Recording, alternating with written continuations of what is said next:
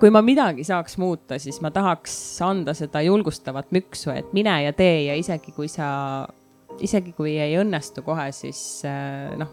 mine ikka tee, sest et kõige hullem on avastada kolmekümne aastasena või neljakümne aastasena, et sa oled pensionil olnud viimased kümme aastat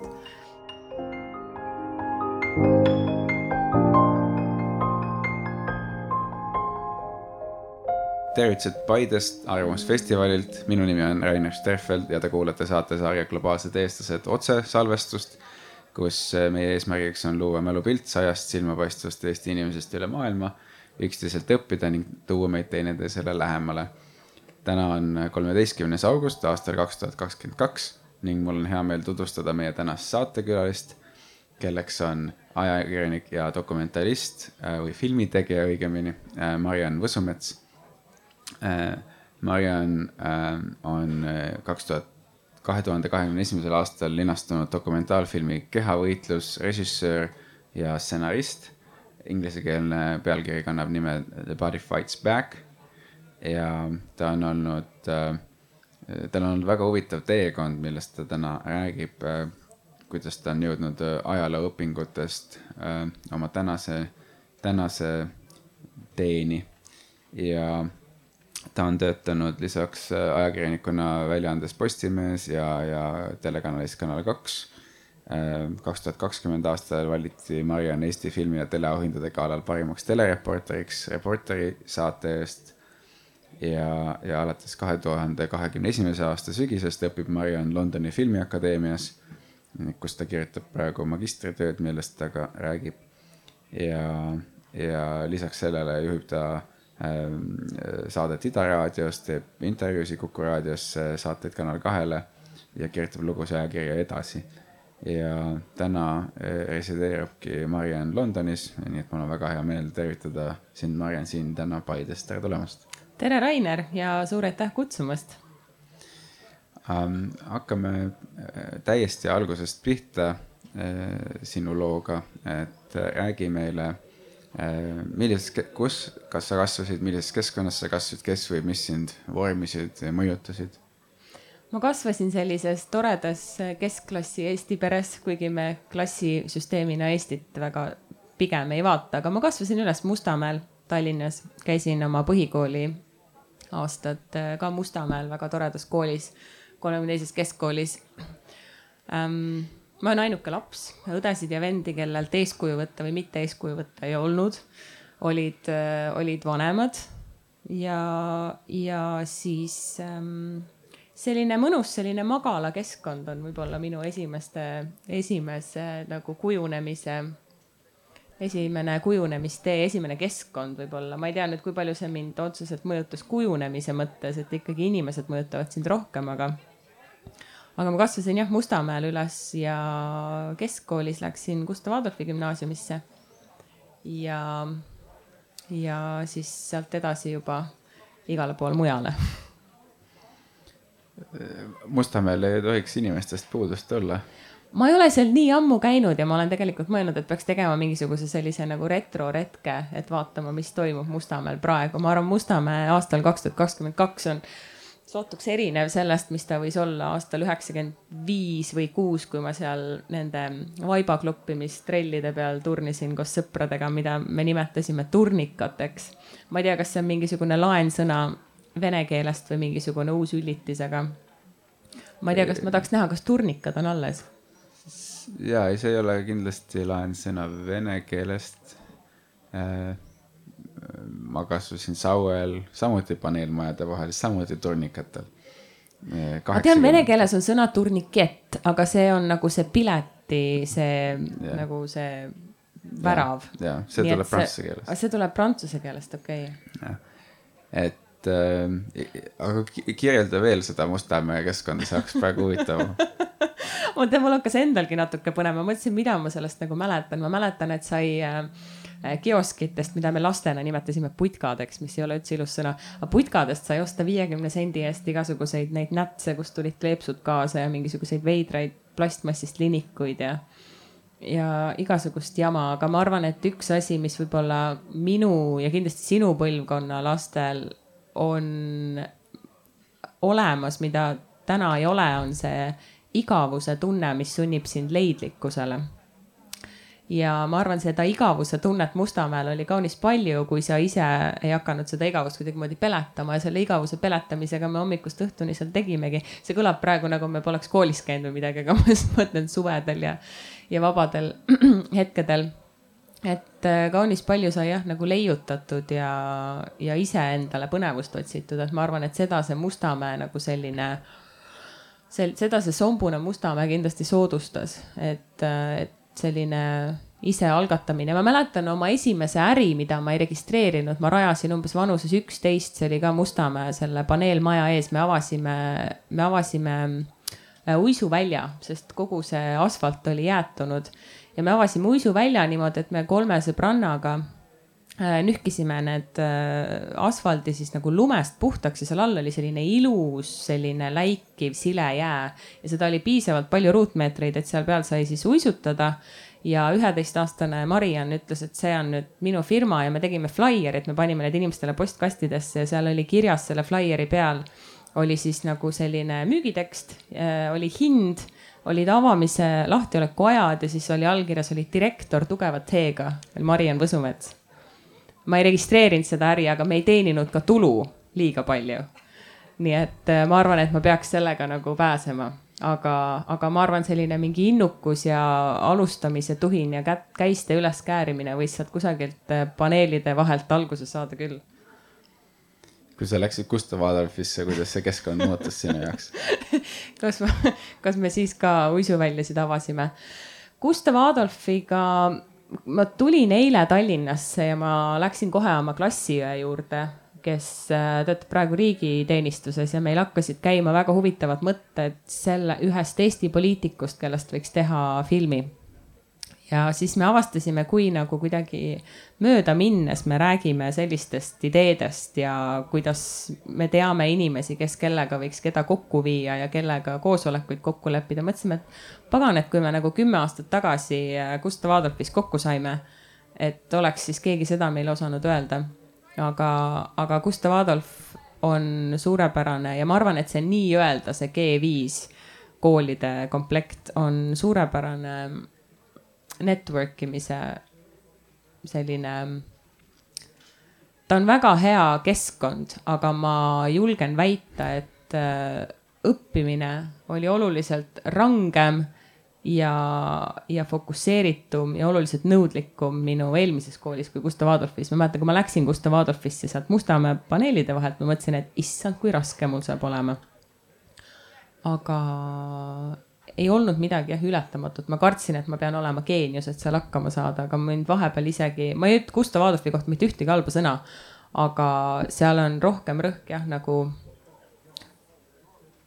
suhtlemisel ja erinevate rahvusvaheliste projektide soodustamisel ja algatamisel, et, et võib-olla nagu sellist. Ma olen väga rahul, et ma läksin Gustav Adolfisse. Nüüd, kui sa mm, keskkooli ära lõpetad, mis, mis valikud sul laual on, mida sa mõtled, et võiks eluga peale hakata ja mida sa otsustasid? mm,? ma teadsin, et ma ilmselt lähen Tartusse. Äh, ma tahtsin minna ajakirjandust õppima või äh, ajalugu, sest üks väga hea inimene soovitas mulle, öeldes kuldsed sõnad. mine õpi millest kirjutada, mitte kuidas kirjutada. et selle nii-öelda ajakirjandusliku formaadi sa leiutad sinna ümber ise, et kuidas lugu vormistada ja kõik see, et selleks sa ei pea ülikoolis käima, et mine õpi midagi sisukat. aga enne veel, kui ma läksin ajalugu õppima, ma läksin aastaks ajaks Hollandisse, sest et minu väga hea sõber Martin Kilp, kes täna teeb suuri asju Californias Silicon Valley's nagu ka sinu taust on, aga Martin jätkuvalt toimetab seal. Martin läks Erasmuse ülikooli õppima äri ja me olime Martiniga väga head sõbrad tol ajal ja ma ütlesin, tead Martin, ma tulen kaasa. ma ise veel ülikooli ei lähe, aga kõrime korteri koos, sina mine käi koolis. ma teen mingeid muid asju, aga ma jubedalt tahaks äh, Rotterdamis elada aasta. Ja nii me siis elasime Rotterdamis aasta ja siis ma tulin tagasi ja siis ma läksin ajalugu õppima Tartu Ülikooli. ja ma tegelikult teadsin, et ma tahan ajakirjanikuks saada, sest et see uudishimu on minus alati olemas olnud erinevate teemade vastu, aga, aga ajalugu tundub, et ähm, ajalugu annab sulle struktuuri ja võime mõelda, analüüsida, seoseid näha. ja ma arvan, et seda võiks Eesti, ma ei ütle, et ma olen selles parim, aga ma arvan, et ma tahaks sellist nagu mõnes mõttes hinnanguvabadust ka Eesti ajakirjandust natuke rohkem näha. et ma arvan, et see selline õppimise otsus või karjääri otsus, et tulla ajalugu, äh, tulla ajaloo taustaga siis meediasse on parem kui õppida pulleritsu käe all meediat ja lasta endale dikteerida, kuidasmoodi, mis on õige, mis on vale ja siis tulla välja ajakirjanikuna omamata mingisugust nagu laiemat kas erialast kogemust või, või mingisuguse muu valdkonna nagu sellist konteksti? üsna tihti me avastame ennast selles sarjas sellest, et kui me räägime inimesega, kes on Eestis ülikoolis käinud, käivad samal ajal kuskil tööl või käisid kuskil tööl, täna on võib-olla natuke teistmoodi, aga, aga, aga meie ajal ja natuke varem raudselt käisid tööl ja, ja pigem noh, Inglismaa või Ameerika äh, süsteemis sa, sul ei ole esiteks aega käia tööl ja, ja, ja näiteks kuskil Oxbridge'i süsteemis sa ei tohigi käia tööl ähm,. kuidas sinu jaoks oli, kas sa käisid ka tööl, tegid midagi äh, ülikooli ajal? Tartu Ülikooli ajal ma töötasin personaaltreenerina, mis mõnes mõttes äh, andis Äh, jah, mis äh, on natukene seotud sellega, mis teemal ma oma esimese dokumentaalfilmi tegin. aga väga paljud praegu Londonis ka tegelikult äh, magistri kõrvalt ma näen, et inimesed ikka, ikka käivad tööl ja mul on praegused kursakaaslased on hästi erinevas vanuses kõik, et seal on kakskümmend neli kuni kolmkümmend viis. ma ise olen kolmkümmend üks et minul on selles mõttes väga vedanud, et ma töötan hetkel Kanal kahe Londoni korrespondendina, et äh, mul jäi mu töökoht nii-öelda alles. aga, aga väga palju on jah, ka noori filmitegijaid, kes õpivad filmi praegu Londonis, minu kursakaaslased, kes äh, teevad mida iganes on vaja teha, et äh, minul oli jah õnne baka ajal töötada treenerina ja nüüd siis magistri ajal teha nii-öelda edasi seda tööd, mis ma Eestis tegin, aga, aga ma arvan, et ega ma väga pikalt, väga pikalt vast enam Kanal kahte ei jää, et Reporteri saade on. ma arvan, et ei ole Eestis inimesi, kes Reporteri saadet ei teaks, aga ütleme niimoodi, et kes mind inimesena võib-olla tunnevad ja seda saadet kuulavad, siis Reporteri nagu selline ähm,. kuidas öelda ethos ei ole nagu päris see, mida mina oma ähm, loomingulises karjääris taga ajan. kui sa selle ülikooli ära lõpetasid, mis sa järgmisena tegid?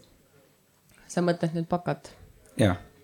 ma läksin kohe tööle, ma kõigepealt esimese, mu esimene nii-öelda selline päris töökoht oli mõttekoda Praxis, kus ma töötasin aasta aega projektijuhina, ma isegi ei tea, kuidas Annika Uudelepp mind äh, lubas sellise koha peale, ma olin kakskümmend kolm vist. ja tohutu mingi riigihangetega möllamine, poliitikauuringud, väga huvitav, see, see tundus mulle väga suur amps, aga mul on väga hea meel, et mind nii ägedasse kollektiivi nii noorelt võeti. pärast seda ma läksin ETV-sse tööle ma olin hommiku Terevisiooni toimetaja aasta aega, mis tähendab seda, et ma olin telemajas Gonsiori kakskümmend seitse, kõpsti kohal iga hommik kell viis kolmkümmend. et Urmas Vainole ja Katrin Viirpalule äh, anda ülevaade siis külalistest, kes neil täna diivani peal istuvad, lahendada probleeme, kuulata, kuidas inimesed magavad sisse ja siis helistavad sulle, et öelda, et miks sa ei öelnud, et hommikul on väga palju liiklust ja ma jään hiljaks, mis on irooniline, Rainer, sest mina magasin täna hommikul sisse aga siis ma sain aasta aega selliste asjadega tegeleda. ETV kogemus on kohutavalt tore, aga see on ka kohutavalt ähm, nõudlik ja alati mitte nagu õigustatult nõudlik äh, väga noorte inimeste suhtes äh,. aga see oli väärt kogemus ja see oli äge nagu selline live, live tele selline õppetund, et kuidas asju teha ja kuidas asju mitte teha ja sa nagu harjud selle tohutult ähm, kiire tempoga, mis sul platsil on hästi kiiresti ära. ja sealt edasi ma läksin Postimehesse tööle, sest ma mõtlesin, et ma ei taha enam kell neli hommikul ärgata. ma tahaks inimese moodi, ma tahaks lõpuks kontoris tööl käia ja ma tahaks tunda ennast sellise päris ajakirjanikuna ja siis äh, Aivar Reinap, kes on Postimehe online'i juhtinud umbes nii kaua, kui see on eksisteerinud, vastas mulle viieteist minut, ma olin, ma olen piisavalt nahaalne, et ma saatsin ETV meililt, saatsin Aivar Reinapile Postimehesse kirja, ütlesin, et ma tahan siit töölt ära tulla Aivar Reinap vastas, et ähm, oota, ma lähen vaatan, mis meil on. sest me olime teinud äh, samal ajal BFM-is ühte äh, tudengisaadet, mis oli poliitika debatisaade, kus me intervjueerisime päris, päris kõrge kaliibri poliitikuid, mida ühtlasi voogedastasid või kandsid laivis üle nii Postimees, Õhtuleht kui Delfi kui ERR. mis on selles mõttes fenomenaalne, et mitte ühtegi sellist saadet ei ole kõik konkureerivad kanalid korraga üle kandnud. nii et Aivar Reinap teadis väga hästi, kes ma olen, sest mina juhtisin seda saadet. ta ütles, et noh, vaatame, midagi ikka, midagi ikka leiab. Läksin Postimehesse tööle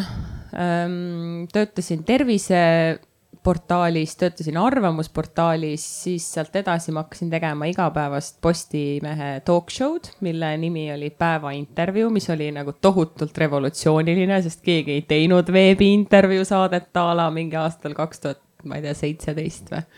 kuusteist võib-olla isegi ja siis, äh, kuna Postimees on ühes korporatsioonis Kanal kahe ja Kuku raadio ja veel tuhande erineva brändiga, meediabrändiga, siis äh, parasjagu tekkis moment, kus äh, Kanal kahest üks reporter, kes hetkel ka siin publikus istub, oli lahkumas lapsepuhkusele ja siis legendaarne Ivar Vigla mõtles, et keegi peaks teda asendama ja siis kuidagi tehti see diil niimoodi ära, et et äh, Võsumets annetati Kanal kahele Postimehest ja siis ma sain teada ühel hetkel ja siis nüüd ma olen Kanal kahes olnud see kõlab nagu mingi sporditiimide võistlejate nagu vahetus. umbes nii oligi jah. umbes nii oligi, aga mul on hea meel, et selle, selle endise reporteri reporteriga, kelle, kelle asenduseks mind seal võeti, me oleme jäänud väga toredalt suhtlema, tore on tema kollast kleiti näha siin publikus ja ma käisin tal äh, Londonist külas Lissabonis aprillis ja väga-väga tore on selline eestlaste sihuke mingi. sa võid küll ära kolida, aga, aga see võtab nagu mingisuguse huvitava mõõtme ja see ei ole nagu selline suhtleme eestlastega sellepärast, et nad on eestlased, vaid kui sul on see ühine kogemus, siis sul on kohe nagu niivõrd palju rohkem, mida jagada et ma tean ka nagu seda, et äh, igas riigis on selline mingi sihuke padueestlaste kogukond, kes lihtsalt tegelebki nii-öelda jaanipäevade korraldamisega, mis on ka väga tore. aga ma ei ole ise kunagi otsinud välja eestlasi lihtsalt sellepärast, et eestlastega suhelda välismaal olles. aga juhul, kui sa nagu satud nende otsa ja, ja teil on hea klapp või teil on mingisugune ühine ajalugu või ühine tutvusringkond või mis iganes või tegevusvaldkond, siis siis see võib olla väga jah, selline, võib-olla isegi neid suhteid nagu tugevdada välismaal eestlaste vahel, jah. mis hetkel tekkis sinu elus äh, huvi filmi vastu või film üldse? see tuli mõnevõrra kogemata, ma tegin oma esimese dokumentaalfilmi nimega Kehavõitlus, The Body Fights Back, mis on hetkel nähtav nii Amazonis kui Telia tv-s kui netikinos kui iTunesis kui varsti ka Netflixis. mis ma öelda tahan, on see, et minge vaadake seda filmi, kui te veel ei ole seda vaadanud. kehavõitlus. Ähm, see pidi olema algselt ähm, dokumentaalsaade ja me filmisime selle Inglismaal, Londonis, äh, kus inimesed jagasid siis oma teekonda kehakuvandi probleemidega ja toitumishäiretega. See oli otseselt seotud sellega, et kui ma personaaltreenerina töötasin, siis ma kohtasin väga palju inimesi, kellel oli, kelle probleemid olid hoopis mujal kui nende trenn või toitumine, et see on selline psühholoogiline sasipundar, et miks inimesed satuvad endaga pahuks sisse ja me tegime selle filmi Londonis. terve kaks tuhat üheksateist ma käisin korra või kaks Londonis ähm, ainult selle filmi võtete, võtete ja intervjuude ajaks ja vahepeal õnnestus ka niimoodi klapitada, et ma läksin Kanal kahele kajastama mingisugust Brexiti sündmust. Päeval teed Brexitit ja õhtul teed oma dokumentaalfilmi ja siis äh, sõidad lennukiga tagasi ja hommikul lähed toimetusse tööle ja võtteplatsile, et. et kaks tuhat üheksateist läks meil selle tähe all ja kui kaks tuhat kakskümmend pandeemia algas, siis me veebruaris maandusime Tallinna lennujaamas, ma arvan, mingi mõned nädalad enne seda, enne pandeemiat ja meil oli kõik filmitud, nii et me saime terve pandeemia keskenduda, vabandust, keskenduda ainult montaažile ja siis, kui see natukene, kui tekkis mingisugune ajaauk seal kaks tuhat kakskümmend teises pooles, me läksime selle filmiga PÖFFile, Pimedate Ööde filmifestivalidele fi,, Pimedate Ööde filmifestivalile, nii et meil joppas ajastusega väga hästi, sest väga paljud filmiprojektid jäid katki koroona tõttu, aga me saime just kõik ära filmitud vahetult enne, kui pandeemia algas, kümme kuud montaaži. Ja ja siis Pimedate Ööde filmifestival, kust see film leidis omale rahvusvahelise levitaja ühe Kanada firma näol, äh, kes siis hiljem ka tegi kõik teised diilid Austraalia ja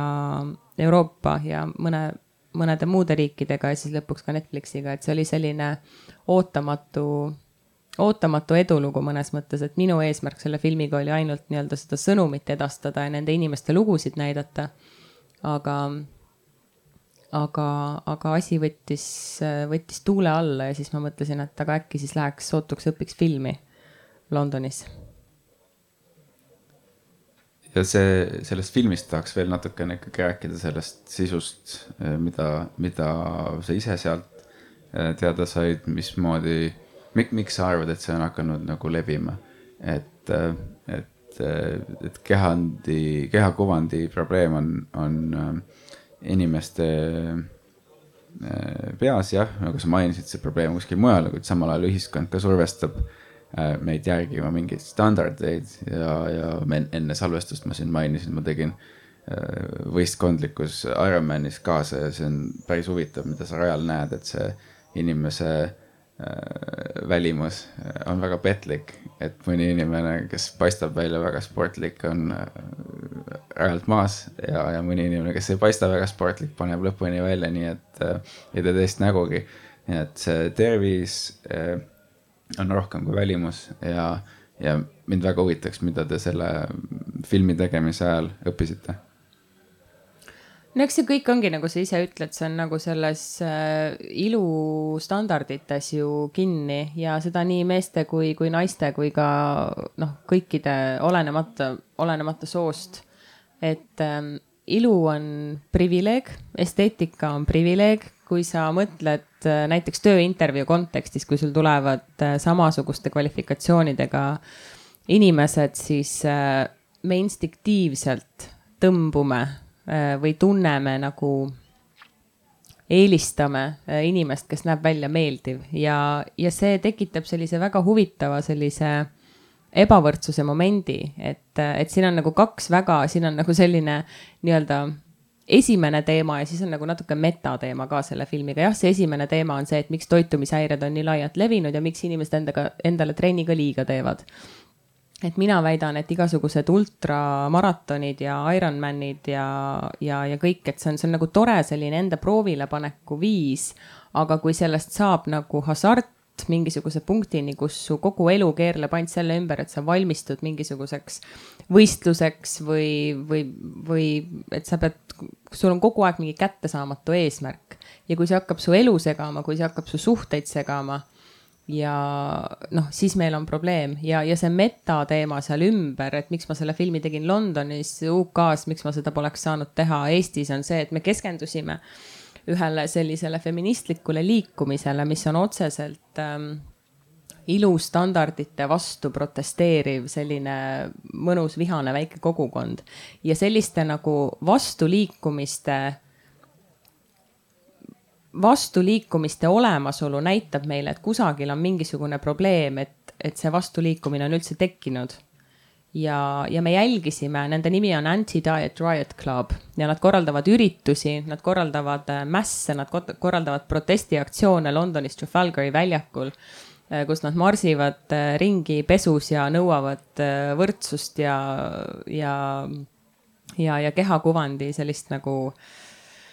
Body liberation movement on selle nimi, et ma ei teagi, kuidas eesti keeles mõned asjad kõlavad natuke totakalt, kui need otse tõlkida, et ma pigem võib-olla selle jätan inglise keelde, et, et me jälgisime seda liikumist ka, et mida nemad siis nagu nõuavad ja selle asja südames on ikkagi nagu selline mm, diskrimineerimise noot, et, et tihti inimesed ei anna endale üldse aru, miks nad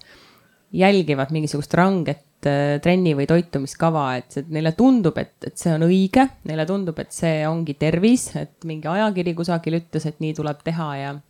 ja inimene peab kogu aeg olema nagu teekonnal, et kogu aeg olema teekonnal, et ennast paremaks muuta, see on kohutavalt väsitav ja eriti, eriti naiste suhtes, eriti naistele, kelle nagu selline välimus on alati veel rohkema luubi all. et, et, et mulle lihtsalt endal hakkas ühel hetkel tunduma, et kui ma kogu mu elu keerleb selle üle, et et ma pean hea välja nägema, ma pean nüüd ma trennis käima, ma pean kõik oma äh, toidud ise valmis tegema, ma pean tööl olema tubli, koolis olema tubli ja nii edasi, siis mul ei jää aega tegelikult ühiskonnaelus osalemiseks. mul ei jää aega võib-olla poliitilises debatis osalemiseks, mul ei jää aega enda harimiseks. et see on nagu feministlikust vaatest ka selline selline nagu rõhumise mehhanism, et kui sa hoiad inimest tegevuses ja hõivatuna oma välimusega, siis ta ei, siis ta ei hakka kusagil mujal mingisugust jama korraldama ja see jama on jutumärkides. et meil on vaja, et inimesed korraldaksid rohkem, rohkem jama ja ei oleks, ei oleks ainult hõivatud oma, oma välimusega, sest et see lõikab su lihtsalt kogu muust elust ära, et see film on nagu hästi laiahaardeline psühholoogiast kuni, kuni selliste puht igapäevaste nagu praktiliste teemadeni ja, ja põhjus, miks see film ka jälgib kuute erinevat inimest, siis erineva nahavärvi, erineva kehasuurusega, ongi see, et need lood on niivõrd erinevad, aga see üks ühine nimetaja on ikkagi see nagu see püüdlus ja see, see perfektsionismi nagu kinnisidee. et sa pead jõudma mingisuguse sellise üüberversioonini iseendast, sest muidu sa oled kas inimesena läbi kukkunud või mis iganes ja, ja raske osa on ka see, et isegi kui sa sellest aru saad siis äh, noh, sa ei saa sellest niisama lihtsalt loobuda, sellest nagu me just rääkisime, et välimus on sinu esimene visiitkaart ja sa mõnes mõttes pead selles rattas. sa pead selles osalema, kui sa tahad elus läbi lüüa. sest et sa pead jätma kogu aeg muljet ja see ongi selline kahe otsaga mõõk, aga ma arvan, et see teadlikkuse tõstmine on see, mida see film teeb.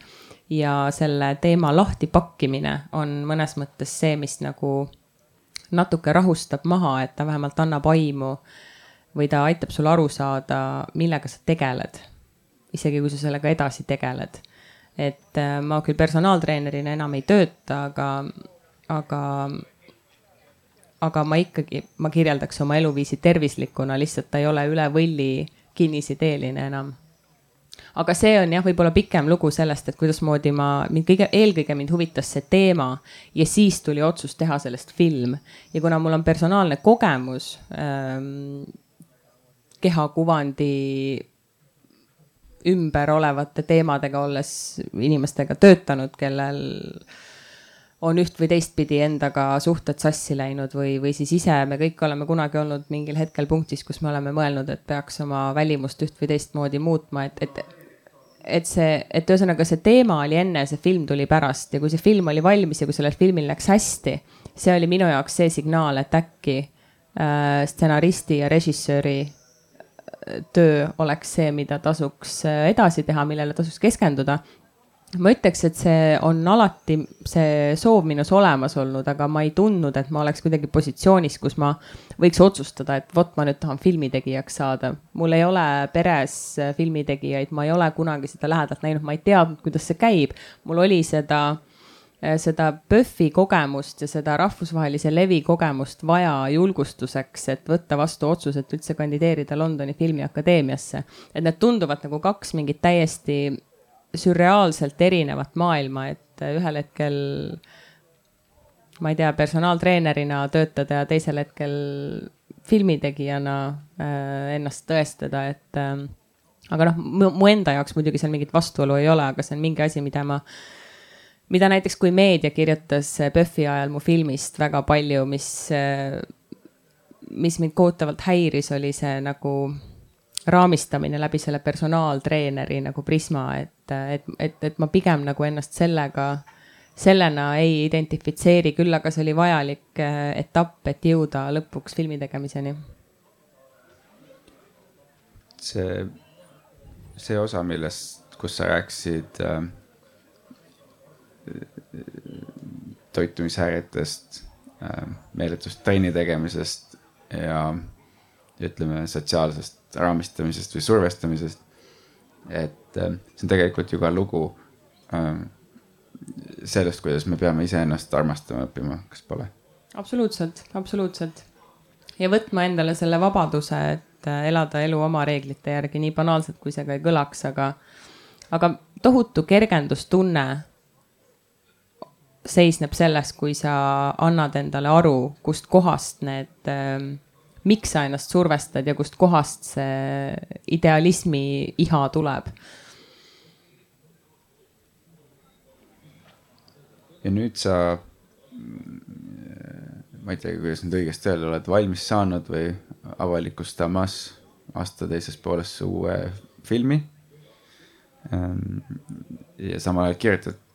selle, selle ainetel ka magistritööd, et räägi, räägi sellest. jah, et minu aasta, aastane Londoni Filmiakadeemia magister on praegu just punktis, kus ma olen oma lõputööle viimast, viimast lihvi andmas ja, ja me tegime. minu uus film, mida loodetavasti saab näha Pimedate Ööde filmifestivalil, selle nimi on Skin, see on mängufilm, see on lühifilm. On selles mõttes huvitav hübriidprojekt, et olgugi, et me tegime selle koos inimestega, kellega ma Londoni Filmiakadeemias tutvusin, siis see film ei ole ikkagi tudengifilm et me tegime selle minu produktsioonifirma alt, ta on taaskord Eesti, Suurbritannia äh, kaasproduktsioon, täpselt ka nagu minu eelmine film. aga see oli siis jah, esimene selline nagu mängufilmi, mängufilmi debüüt ja see räägib, ähm, see räägib ähm, kaasaegsest äh, Ida-Londoni naisest ja mida tähendab ähm, elu dekadentlikkus kaasaegses Londonis. ma praegu rohkem selle kohta ei avalda, aga ta on ähm, film noir stiilis äh, selline ähm, tumedates toonides ja väga brutaalne äh,, vägivaldne, aga samas ka vägivalda kuidagi mitmetahulisena näitav äh, film ja minu jaoks oli väga oluline, et ma saaks töötada äh, transsooliste näitlejatega, minu jaoks oli väga oluline, et ma saaks töötada kõige parema Briti noore talendiga. ja talendi all ma siis mõtlen näitlejaid. Et me saaks filmida nendes lokatsioonides Londonis, kus me tahtsime filmida. ja olgugi, et see projekt läks lõpuks kaunis kulukaks, siis vähemalt ta tuli välja täpselt selline, nagu ma soovisin Äh, see on siis film, mille ma ise olen kirjutanud ja mille ma ise produtseerisin ja meie plaan ongi nüüd selle mängufilmiga teha üks edukas festivalide tuur ja siis arendada see lühifilm äh, mängufilmiks. ja ma sooviks, et Eesti film areneks natukene kaugemale sellest sõjatemaatikast, mida me valdavalt Eesti kinodes näeme. ja mulle lihtsalt tundub kahjuks, et neid teemasid, millest mina tahan kirjutada või filme teha. ma ei saa öelda, et Eestis ei saa teha, sest sa saad kõike teha Eestis, kui sa ise selle eest maksad. aga mu küsimus on see, et kui kaua, kui kaua peab filmitegija selle eest ise maksma, sest et Eesti Filmi Instituut ja Kultuurkapital sellise mina väidan, sellise temaatika nagu toetamiseks valmis ei ole, et äh, Eesti film peab olema kuidagimoodi kandma edasi Eesti projekti. Aga olgugi, et ma pean ennast eestlaseks ja mul ei ole, ilmselgelt ma pean ennast eestlaseks ja mul ei ole selle rahvusliku narratiivi vastu mitte midagi, siis mind absoluutselt ei huvita teha filme, mis äh, mis kuidagi nagu käsitleks Eestit või veel hullem, mis käsitleks meie mingisugust sellist ajaloolist nagu traumat. see ei ole üldse minu fookus ja mulle tundub, et Eestis, kui sinu fookus filmitegijana ei ole rahvusliku kultuuri edendamine, siis sa võid sama hästi siin ka filme mitte teha. Ja sellepärast äh, ma arvan, ma võtsin ka suuna Londoni poole, et, ähm, et, et äh, teha filme, mis on kaasaegsemad ja mis on Eesti kontekstis võib-olla kohati radikaalsed. meil vist keegi, kellelgi on vist küsimus. et kui äh, Eestis on äh, rahastusega probleeme, et rahastatakse ainult mingisuguseid meie traumast, äh, kas siis, kas siis mujal on see rahastus selles mõttes nagu teistmoodi nii-öelda ma ei tea, kultuurifilmid, mida sa ei lähe mingi Solarisse vaatama, kas sihukeseid on siis nagu paremini rahastatud kuskil, ma ei tea, Poolas, Inglismaal, USA-s võrreldes nagu Eestiga filmitegijana? See on jah, nagu hästi ausalt ja lihtsalt sõnastatud küsimus, aga sellele sama ausalt ja lihtsalt vastata ei saa, sest number üks, raha on mujal riikides juba palju rohkem. Eestis me peame jagama seda väikest meepotti, mis meil on ja kui sul on raha rohkem, sa saad seda ka rohkematele projektidele anda, et ma ei ütle, et see, miks Eesti Kultuurkapital ja Filmiinstituut, äh, noh, nad on piiratud juba oma vahendites, sest eks ka nemad tahaks rohkem raha saada ja rohkem erinevaid teemasid rahastada. aga eks ta on kinni ka selles, mida me oleme harjunud tegema, ta on kinni selles, millele võib-olla Eesti suuremad produktsioonifirmad keskenduvad, üks on see sõjanarratiiv, mis Eestis alati lendab ja teine on see selline selline vanamehe huumor, selline nahkpüksid ja äh, mis see kormoranide stiilis filmid on ju, et noh, ja klassi kokkutulek ja nagu noh, sellised filmid lendavad Eestis ja kui sa küsid, kas mujal on sellega paremini, ma ütleks, et mujal on lihtsalt seda mitmekesisust rohkem, et eks kõik fil-, eks kõik riigid teevad oma äh, ajaloost äh, filme ja see on kõik väga okei okay,, aga lihtsalt ühel hetkel, kui sellest saab sinu nagu trademark, et sa teed ainult nagu teisest maailmasõjast ja okupatsioonist filme ja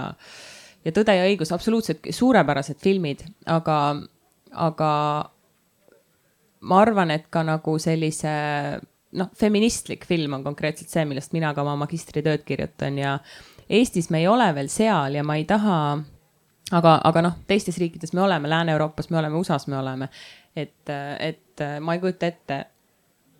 ma ei kujuta ette, kui kaua meil võib-olla läheb aega, et sellel teemal siin üldse mingisugust nagu publikut või, või huvi tekiks, et ja, ja mulle tundub, et me jätame nii suure hulga inimeste lood rääkimata, kui me teeme ainult ühte tüüpi filme. ja, ja lühike vastus on jah see, et ma arvan, et äh, laiematele teemadele on, on mujal riigis rohkem võimalik rahastust leida ja see rahastus on alati ka kombinatsioon erarahastusest ja riigi rahastusest ja fondide rahastusest nii et sellist ühest vastust ei ole, aga kindlasti ka tiimide mõttes on mul võimalik teha, ma olin ainuke eestlane oma viimase mängufilmi meeskonnas, meeskonnas, tiimis siis. olgugi, et see on, mis toob selles mõttes Eestile tegelikult, Eesti filmile ju feimi, et see on Eesti ja Suurbritannia kaasproduktsioon puhtalt selle tõttu, et minu produktsioonifirma on Eestis registreeritud firma. ometigi ma olen kahekümne viiest inimesest seal meeskonnas ainuke eestlane ja, ja mulle tundub, et see on nagu mingisugune dimensioon, mida me ei suuda nagu ära registreerida, et kui meil on inimesed, kes äh, sõna otseses mõttes edendavad Eesti filmi mujal maailmas ja me siiski ei leia, et äh, et see oleks miski, kus Eesti tahaks ennast nagu kaasa haakida, kas rahastuse või, või kaastoodangu või kasvõi kaasamõtlemise näol, siis minu meelest meil on probleem, aga, aga see ei ole ka miski, mille peale ma igapäevaselt mõtlen, sest ma arvan, et ma saan lihtsalt oma asja kusagil ajada väga edukalt edasi, aga lihtsalt see, millest mul aeg-ajalt kahju, on see, et et Eesti võiks sellest kuidagi mingisugust kasu saada või kuidagi ühe jalaga seal nagu kaasas olla. sest ma näen, et mis järgmiseks juhtub, on see, et kui Eesti ei ole huvitatud sellise nii-öelda kaasaegse, modernse, feministliku äh, filmi, noh, ma räägin nagu väga sellistes üldkategooriates praegu, aga, aga kui Eesti ei lähe nagu nišifilmi teed, mis, millel võiks olla turgu terves maailmas, mitte ainult Eestis ja mis võiks olla ingliskeelne film, ometi, et ta on Eesti film, aga ta võiks olla ingliskeelne, see on ka üks asi, mida me tohutult kardame. et kui Eesti film ei ole eestikeelne, siis ju Eesti riik sureb homme ära, ometi on ju et, et kui me saaks nagu sellest hirmust kuidagi üle, siis ma arvan, et me saaks Eesti filmile maailmas teha ka teiste vahenditega nime kui lihtsalt äh, Tenetit ja Nolanit siia tuua, mis on ka kõik väga okei okay. aga lihtsalt ühel hetkel see võib tekitada olukorra, kus ma ei näe pointi, et see produktsioonifirma peaks enam olema Eestis registreeritud, mis tähendab seda, et see link Eesti vahel ja, ja minu filmide vahel kaob ära, millest ma arvan, et noh, Eesti riik otseselt noh, mingit väga suurt kahju ei kanna, aga lihtsalt ma näen, et siin on võimalus, mis on läinud raisku läheme Eesti teemade juurde või Eesti teemadega edasi, siis ütleme siis nii. Ehm, ja siis, ja siis saame ka äh, publikule vooru avada, et äh, kui keegi küsib, milline on Eesti, siis kuidas sa vastad, kuidas sa kirjeldad Eestit? meil on väga palju neid vestlusi olnud viimasel ajal ja ma alati kiidan Eesti elukvaliteeti ja elukvaliteedi all ma mõtlen, mul on väga praktiline vastus su küsimusele, et kuidas, kui ma kirjeldan Eestit, Eesti on praktilises mõttes ideaalne riik. meil on toimivad teenused, meil on toimivad avalikud teenused, meil on puhtad tänavad, meil on, äh, kõik toimib ja see ei ole üldse nii enesestmõistetav, et sa saad asjad aetud kiiresti ja efektiivselt. Eesti on väga efektiivne ja pragmaatiline riik ja siin on ilus loodus ja niimoodi ma Eestit kirjeldangi ja, ja naljakas on see, et mujal olles inimesed, kes ei tea Eestist midagi, nad kuidagi seostavad, kui sa neile hea mulje jätad, siis nad kuidagi nagu loovad oma arusaama Eestist selle inimese põhjal, kellega nad just kohtunud on.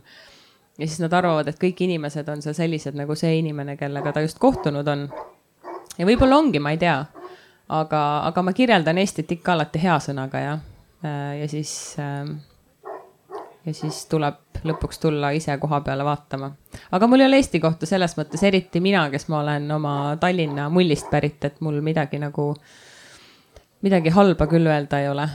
küll aga seda, et jah, noh, eks see võimaluste paljusus on ikkagi see, miks ma võimaluste, võimaluste vähesus Eestis ja paljusus mujal on ja, ja see filmi äh, ja see filmi olukord on, on need põhjused, miks ma, miks ma ära kolisin ja, ja noh, kindlasti ka see, et võib-olla kõlab, kuigi ma arvan, et väga paljud inimesed suhestuvad sellega, mul oli Eestis väga mõnus ja mugav ja liiga mõnus ja liiga mugav elu. ma sain eelmine aasta kolmkümmend ja ma mõtlesingi, et mul on suurepärane teleajakirjaniku töö Kanal kahes, mul on korter kesklinnas, mul on, kõik on hästi ja kas ma võin nüüd pensionile jääda, siis ma sain aru, et kolmkümmend veel ei ole see vanus, kus pensionile jääda, et äkki peaks nüüd seda filmi, filmi asja nagu natuke tõsisemalt vaatama. Ja siis ähm, ja kui üldse midagi, siis ma oleks pidanud minema varem. Et natukene liiga kaua sai seda mugavat elu siin äh, nauditud, et äh, Londonis üldse ei ole mugav praegu, üldse ei ole mugav ma elan, ähm, ma elan majas koos kolme teise inimesega, ma maksan oma toa eest üüri sama palju kui äh, Eestis, sa saad siin Tallinna kesklinnas korterit üürida sama hinnaga. Äh, tänavatel on prügi, inimesed karjuvad. Äh, kõik on väga hektiline, bürokraatia on tohutu, aga siiski hetkel minu jaoks need plussid kaaluvad need miinused üle, et ma vaatamata sellele, et mu mugavused on kõik ära antud ja ma tunnen, et ma printsess Herneteral on pidanud maha ronima oma mugavuste otsast, aga ma siiski tunnen, et see, mis ma sealt nagu inimkvaliteedi ja, ja ja, ja professionaalses mõttes ja kogemuste mõttes ja silmaringi mõttes vastu saan, trumpab need ebamugavused siiski, siiski üle. aga alati, kui keegi küsib, kuidas ma Eestit kirjeldan, siis ma hakkan kohe laulma seda laulu, et kui. Ja ma ei olnud kunagi varem suutnud aru saada, mis pagana asi see on, kui inimesed räägivad alati elukvaliteedist, et no mis, no mis asi see on nii abstraktne, no mis elukvaliteet, noh, lähed, käid poes ja käid arsti juures ja on ju, kõik ju toimib, on ju. ei ole üldse nii enesestmõistetav, et sa sinna arsti juurde üldse löögile saad et see elukvaliteet on absoluutselt see, see mõjutab kõike, kõike muud pärast, et, et see, seda ei saa üldse alahinnata jah, et see on üks asi, millest ma tunnen puudust. kui sa rääkisid sellest äh, filmi rahastusest ja, ja, ja mis tüüpi filme sa võiksid siin saada rahastatud, siis see äh, tegelikult meenutab väga, väga palju seda, mismoodi näiteks ettevõtteid rahastatakse. et sa võid teha nagu kohaliku teenuse ettevõtte, siis sa Eh, saad võib-olla kohaliku rahastuse, sul on mingi kohalikud prioriteedid, aga kui sa teed mingisuguse toote, mida võivad eh, kasutada inimesed üle maailma, siis ilmselgelt sul on väga raske rahastust siit leida. täna on Eesti hoopis teises kohas, kui me olime enne Skype'i, meil on nagu tohutu teekond tehtud. ma arvan, et filmi, filmi puhul võib tõmmata selliseid paralleele, et kui sa teed sellise filmi nagu äh, sa tegid dokfilmi see kehakuvandist, et kui see kõnetab universaalselt inimesi üle maailma, siis äh, siis äh, ei olegi vahet äh,, kus sa seda teed. ja ma arvan, et üks hetk jõuab lihtsalt ka rahastus järgi, et näed, et me võime teha ka siit selliseid filme, mis jõuavad igale poole üle maailma, et see, ma ei näe seal nagu väga suurt erinevust, ainult et turg ütleme nii, et turg ei ole järgi jõudnud raha, raha, kapitaliturud, kui ma nüüd investori keelt võin kasutada, ei ole järgi tulnud sellele, et meil on alles esimene filmifond loodud, mille lõi üllatus, üllatus, selline endine startup Rain Rannu. nii et, et siin me nagu oleme. Jah, ja tegelikult Rain Rannu California fond on väga imetlusväärne algatus ja, ja see ongi tegelikult mõnes mõttes ka kahju, et meil on vaja selliseid erafonde ja hakata nende peale lootma, et see on, see on ka nagu natukene see moment, et noh, et nii tore, et nagu Bill Gatesi fond rahastab mingeid vaktsiine. no tore tõesti, aga tegelikult me ei peaks lootma inimeste, me ei peaks lootma ettevõtjate annetustele selleks, et ajada mingit asja, millest riik võib võita. see on väga tore, et see fond on olemas, aga, aga ma tahaks, et see mentaliteet jõuaks nagu selles mõttes järgi, et ma ei tea, võtke kasvõi siis startup'i maailmast nagu filmi, filmimaailm, võtke nagu siis nagu šnitti, et et me võime absoluutselt teha siit filme, mis kõnetavad tervet maailma. Ja see toob ju lõpuks Eesti filmiproduktsiooni firmale, kes selle taga on ju tulu ja makse Eestile. ja see film ei pea olema eesti keeles ja see film ei pea tegelema Eestiga. Aga mulle tundub, et sinna on veel natuke, seda on toote ja teenuse maailmas lihtsam mõelda, aga film ja kultuurivaldkond on nagu meil Eestis niivõrd rahvuslik, et et, et mulle tundub, et selle ümber on nagu natuke raskem oma pead nagu, see ei ole nüüd küll eestikeelne väljend, mulle tundub, et sellest on lihtsalt raskem aru saada. et, et kuidas me siis nüüd teeme filmi, mis on Eesti film, aga mis ei räägi Eestist ja mis ei ole eesti keeles, et siis ta ju ei ole Eesti film, aga sellises nagu nii-öelda juriidilises maailmas on Eesti film iga film, mille on tootnud Eesti produktsioonifirma, mis on registreeritud Eestis ja maksab makse Eestis, punkt et võiks nagu selle kuidagi dimensiooni avada ka rahastuse mõttes, aga, aga noh, see on nüüd muidugi laiem teema üleüldse, et kui palju meil filmidele rahastust äh, on ja ega kellelegi nagunii kunagi ei jätku ja. ühesõnaga, see on, see on kõik tulevikumuusika, et nüüd hakkame seda filmimaailma nagu ähm, suurema fookusega vaatama ja ma arvan, et me viie aasta pärast võime seda vestlust uuesti pidada ja ma loodan, et siis on mingid muutused ka toimunud ja tegelikult, mida meil vaja on, meil on vaja mingisugust sellist äh, edunäidet, noh, meil on vaja veel Eesti filme, mis, äh, veel sarnaseid Eesti filme, mis lööks maailmas laineid, ma arvan, kuigi noh, Netflixi poolt äraostmine võiks juba piisavalt, piisav tunnustus olla. eriti, eriti, et tegemist on iseseisva filmiga iseseisev film tähendab siis seda, et see pole mingit muud rahastust saanud kui filmitegija enda rahastus, aga on ometi Eesti film. et kui meil neid näiteid tuleb veel, siis ma arvan, et eks see jää hakkab ka murduma, et, et, et noh, see kõik lihtsalt nõuab aega. kui sa saaksid ühe asja Eestis paremaks muuta üleöö, siis mis see oleks? ma mõtlesin selle peale natuke, ma arvan, et ma tahaks kuidagi niimoodi kotiga viia kõikidele inimestele rohkem eneseusku, sest minu meelest meil on nii palju häid mõtteid, aga me istume nende otsas natuke liiga pikalt. kui ma ennist ise ütlesin, et kui üldse midagi, siis ma oleks tahtnud ära minna varem ja teha kõiki neid asju, mida ma olin oma peas mõelnud. ma oleks tahtnud, et ma oleks seda kõike hakanud tegema varem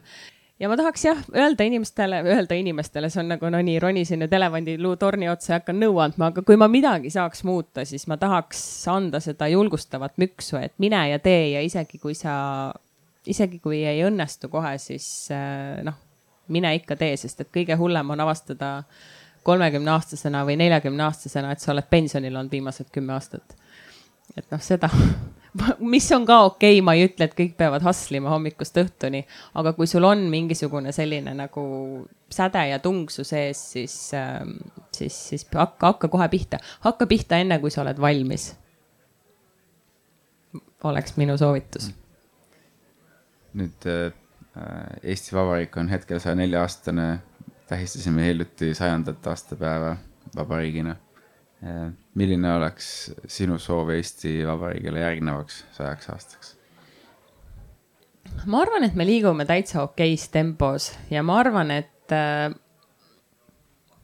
ma ei tea, kas ma olen üldse positsioonis, et midagi soovida Eesti Vabariigile järgmiseks sajaks aastaks. ma arvan, et meil läheb hästi ja ma arvan, et tõsiasi, et sellised üritused nagu Arvamusfestival toimuvad järjepidevalt ja tõsiasi, et me proovime on juba ülioluline ja mulle tundub, et olgugi kui ma vaatan Eesti avalikku nagu debatti, kui ma vaatan näiteks, milliseid nagu info neid push'e ma saan Eesti meediaväljaannetelt, siis vahepeal tundub küll, et no, no millest, millest me räägime. sellised nii-öelda. mulle tundub, et see avaliku kultu-, avaliku debati kvaliteet võiks olla parem jätkuvalt, kui me räägime ühiskondlikest sotsiaalsetest teemadest ja mingisugune tundlikkus ja eneseteadlikkus võiks olla kõrgem. aga ma arvan, et tõsiasi, et me proovime on juba väga oluline ja ma arvan, et me oleme jõudnud oma avaliku debati kultuuris punkti ja ma räägin nagu sellist üleüldist meediapilti, mida ma poole silmaga või ühe silmaga ka Eestist ära olles jälgin. ma arvan, et me oleme jõudnud kohta, kus me saame aru, et me ei tea päris kõike. Ja sellist nagu Kuvaldaga raiumist, et äh, nii on ja nii peab olema, et seda on jäänud vähemaks, me ei ole veel päris kohale jõudnud, aga, aga mulle tundub, et me proovime ja ma arvan, et see on praegu täiesti piisav. ja me ei saagi eeldada nii noorelt riigilt, kellel ei ole koloniaalkogemust, kellel ei ole kogemust või noh, ütleme seda ajalugu, me ei saa eeldada, et me oskaks, et kõik inimesed saaks hoobilt aru, kui me ütleme, ma ei tea, miks N-sõna kasutamine pole okei. Okay ja, ja erinevad sellised nagu asjad, mis nagu silma ja kõrva riivavad aeg-ajalt, noh, ikka nagu, nagu, nagu kerkivad esile, aga, aga, aga ma arvan, et, ma arvan, et tasa ja targuse asi nagu paraneb, nii et ma, ma lihtsalt sooviks, et jätkame, jätkame samamoodi ja oleme uudishimulikud edasi, et ega, ega siin revolutsiooniga pole ka, pole ka väga palju selles mõttes muud saavutatud, et, et noh, me, me ei saa hüpata oma varjust üle, et me ei saa hüpata ajas edasi kümme, kakskümmend aastat, et kõik need etapid tuleb, tuleb, tuleb läbi teha ja, ja ma arvan, et me oleme päris heal kursil. minu poolt viimane küsimus ja siis võib-olla on publikule ka. millised on mõned raamatud, mis on sinu mõtlemist mõjutanud või mida sa lihtsalt soovitaksid eh, saatekuulajatel lugeda? ma oma viimase filmi inspiratsiooniks lugesin väga palju ähm, üheksateistkümnenda sajandi prantsuse dekadentlikku kirjandust. ma lugesin väga palju Baudel-, Baudelaire'i luulet ja Jon Karl Hausmannsi, ma ei tea, kuidas see eesti keeles on, Against Nature. aga, aga selline, mis ma sellega öelda tahan, on see, et inspiratsioon, kui see noh, loomevaldkonnas tuleb ähm, mingis formaadis on kõike juba kunagi tehtud ja mida sa saad, kus sa saad alati nagu huvitava narratiivi, on see, kui sa paned kõrvuti mingisuguse elukogemuse mingisugusest teisest ajaperioodist ja üritad selle tuua kuidagi kaasaega ja panna sinna oma elukogemust, oma nägemust, oma loomingut juurde, sest sa võid saada nagu väga sellise huvitava, huvitava kunstiteose ja ka film on ju kunstiteos ja see on äh, jah, ma arvan, selline prantsuse dekadentlik kirjandus ja luule on minu viimase poole aasta inspiratsioon ja, ja selline pelgupaik mõnes mõttes ka olnud. aga ma loen ka väga palju non-fiction'it, mis ei ole siis ilukirjandus ja võib-olla Emma Cannon äh, ja, ja Elizabeth Gilbert oleksid paar sellist autorit, keda ma soovitaks lugeda inimestel, kes on oma loomingulise karjääri alguses, sest et mulle tundub, et meis kõigis on see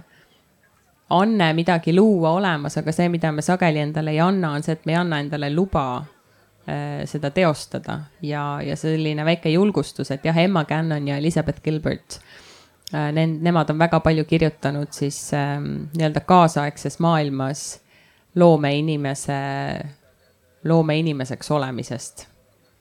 aga, aga jah, ma arvan, selline hea balanss sellise kaasaegse non-fiction'i ja sellise paarisaja aasta taguse ilukirjanduse vahel on, vahepeal hoiab, hoiab nagu mõistuse värskena, eriti kui on igapäevaelust väikest pelgupaika tarvis. nii, aga milliseid küsimusi võiks publikul olla Mariannile? kas kellelgi tõuseb käsi midagi küsida? Küsin siis esimese asjana ära, äh, sa oled nüüd ise filmimaailmas, aga kes on sinu enda võib-olla suurimad äh, iidolid filmimaailmast? ehehee, visuaalses mõttes äh, Gaspar Noé, kes on teinud äh, väga palju väga problemaatilisi filme ning äh, ei, ma ei nimetanud praegu ühtegi naisrežissööri, ma nimetasin meesrežissööri Kaspar Noe, kes teavad filme Enter the Void, Climax uh,, Love. ta hiljuti tegi filmi Vortex, mis on hoopis erinev sellest, mis tema varasem selline Sex, Drugs and Rock n Roll on, ta tegi kahest uh, kahest äh, vanurist, kes on abielupaar ja kellel on, kes on mõlemad äh, dementsusega maadlevad. aga tema nagu selline, tal on väga psühhedeelne ja väga vägivaldne käekiri ja see on äh, ja see, kuidas ta oma stseene valgustab ja see, millised tema karakterid on ja see, et tal on nagu laias laastus nagu suva, mida, mis see nagu selline kriitiline vastuvõtt on. et tal on väga sihuke mõnus, brutaalne